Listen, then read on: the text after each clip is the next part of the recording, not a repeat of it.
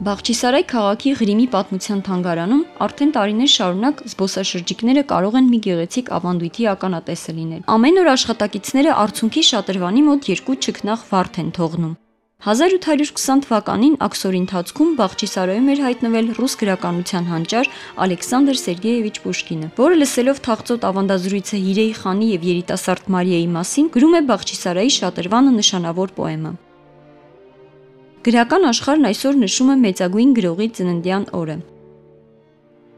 Պուշկինը ծնվել է 1799 թվականի հունիսի 6-ին Մոսկվայում։ Նա իր ստեղծագործություններում ներկայացրել է ռուս ժողովրդի հավաքական կերպարը, հերոսների, որոնք իրենց մեջ ամփոփում են հզոր ոգին, խիղճը եւ ազնվությունը։ Նրա կերպարներն անցավոր կյանքի արտերում աճում են հասկերի նման, հետո հասունանում են ու հնձված ընկնում, սակայն չեն կոտրվում։ Նրանց նորերն են միշտ փոխարինում։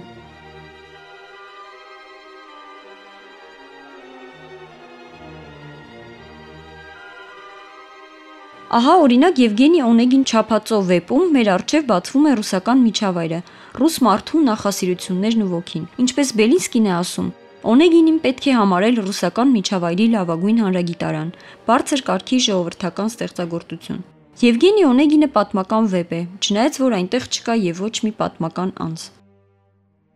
Հապա ում սիրենք, ում հավատանք խոր ով դավաճան չէ, մեզ ով չի խափի, ով իր արարքն ու խոսքերը բոլոր միայն մեր ուզած չափով կչափի,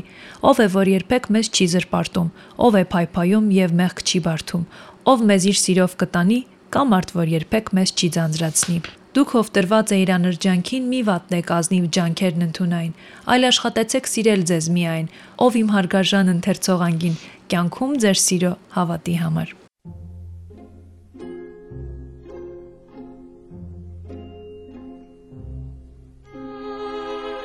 Դարաշրջանի հետադիմական իշխանության, ճորտատիրական ճնշման եւ կեղեքման, գյուղացիների շահագործման ներքո հեղափոխական տրամադրությունների դառը, բայց բազմազան գույները դառնում են Պուշկինյան դիպաշարի անբաժան մասը։ Երբեմն ոչ անմիջականորեն, անթակույց խորությամբ համակելով հերոսներին։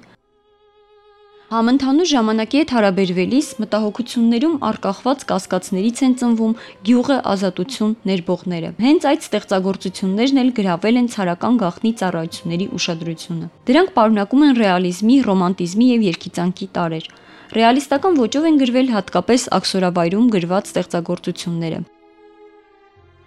Բանաստեղծը հանդես է եկել նաև դրամատուրգիայի ժանրում։ Դրա լավագույն օրինակը ռեալիստական մոտիվներով հարուստ Բորիս Գոդունով պատմական դրաման է։ Դրամատուրգիական ժանրի այս նշանավոր ողբերգության մեջ միանգամայն նկատելի է լիակատար անցումը ռոմանտիզմից ռեալիզմին, չնայած նրան, որ հեղինակն իր գործը համարում է ռոմանտիկ ողբերգություն։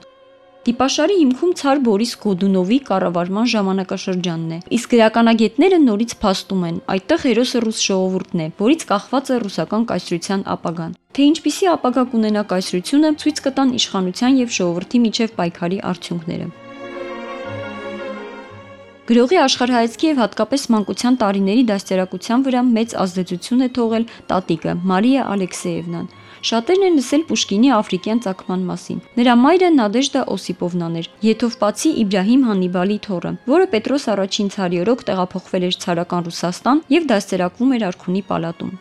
Հետագայում գրված ուղերձ Յուդիթին, վանականը, բովա բանաստեղծություններում Պուշկինը բազմիցս պատմում է մանկության հուշերը։ Պուշկինը 12 տարեկանից սովորել է նորաստեղծ կայսերական ճեմարանում եւ հենց այնտեղ էլ հայտնաբերվել են գրողի բանաստեղծական ձիրքն ու կոչումը։ Իսկ ուսուցիչները խրախուսել են տպագրել իր առաջին բանաստեղծությունները։ Ի սկզբանե գրողի պոեզիան ավելի շատ սենտիմենտալ տարեր էր պարունակում, քան գաղափարական։ Ցարսկոսելոյի լիցեում սովորելու ընթացքում Պուշկինն արդեն ստեղծագործում էր երկու լեզվով՝ ռուսերեն եւ ֆրանսերեն։ Ընկերներն անգամ նրան ֆրանսիացի էին անվանում։ Ֆրանսիական կլասիցիզմի շնորհիվ նրան հոգեհարազատ էր անտիկ մշակույթը։ Մեծագույն քնարերգուի ստեղծագործություններում հնարավոր չէ չնկատել անտիկ քաղաքակրթության ոգին։ Բազմիցս կարող ենք տեսնել, թե ինչպես է Պուշկինը խոսում օրինակ Օվիդիոսի լեզվով, նրան համարելով մարդկային սրտի սիրո հեղինակավոր գիտակ, կամ Տակիտոսի ոճով պատմում է Միխայլովսկում իր տարապանքների մասին։ Պուշկինի տաղանդը շատ արագ նոր բարձրակետեր է նվաճում։ Այդ շրջանում նշանավոր արձամաս գրական միությունը ազգային ցուցազնավեբ ստեղծելու անհրաժեշտություն էր տեսնում, եւ Պուշկինի գրած Ռուսլան եւ Լյուդմիլա պոեմը, որը հետագայում մեծ բանավեճերի առիթ կդառնար, իրականացրեց միության բաղձալի փափագը։ Հուշագիր Ֆիլիպ Վիգելի խոսքով Միության անդամները հիացած էին աշխույժ երիտասարդի ոտանավորներով, հնչեղ ձայնով եւ նրան ծղրիդ էին անվանում։ Քչերը գիտեն, որ ակտիվ գրական գործունեությունից զատ Պուշկինն աշխատում էր նաև պետական կառավարման համակարգում։ Ինչպես ցույց են տալիս իրողությունները, քաղաքական հայացքները եւ դրանց արտացոլումը ստեղծագործություններում դրական հետևանքներ չեն ունեցել։ Արտաքին գործերի կոլեգիայում աշխատելու ընթացքում 1820 թվականին ցար Ալեքսանդր առաջինի մասին գրված բանաստեղծությունն էլ իրական ապացույց է դառնում, որին էլ հաջորդում է Աքսորը հարավ։ Աքսորավայրում գրողը հիվանդության պատճառով տեղափոխվում է Կովկաս։ Ճամփորդությունները դեպի Ղրիմ, Կուրսուվ, Քիշնև, Օդեսա ստեղծագործական բեղուն շրջանի ազդակներ են դառնում։ Գրում է Կովկասի գերին, ավազակ եղբայրներ, գնչուներ եւ ամենանշանավոր Բորիս Գոդունով պոեմները։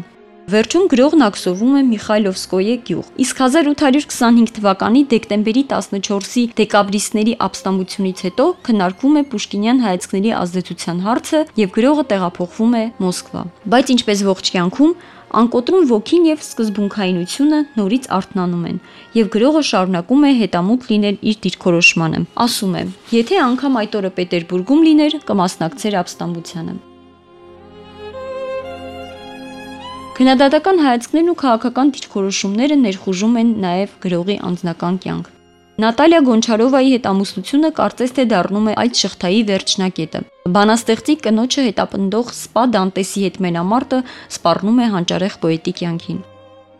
1837 թվականի փետրվարի 10-ին Ալեքսանդր Պուշկինի կյանքի ուղին ընդհատվում է։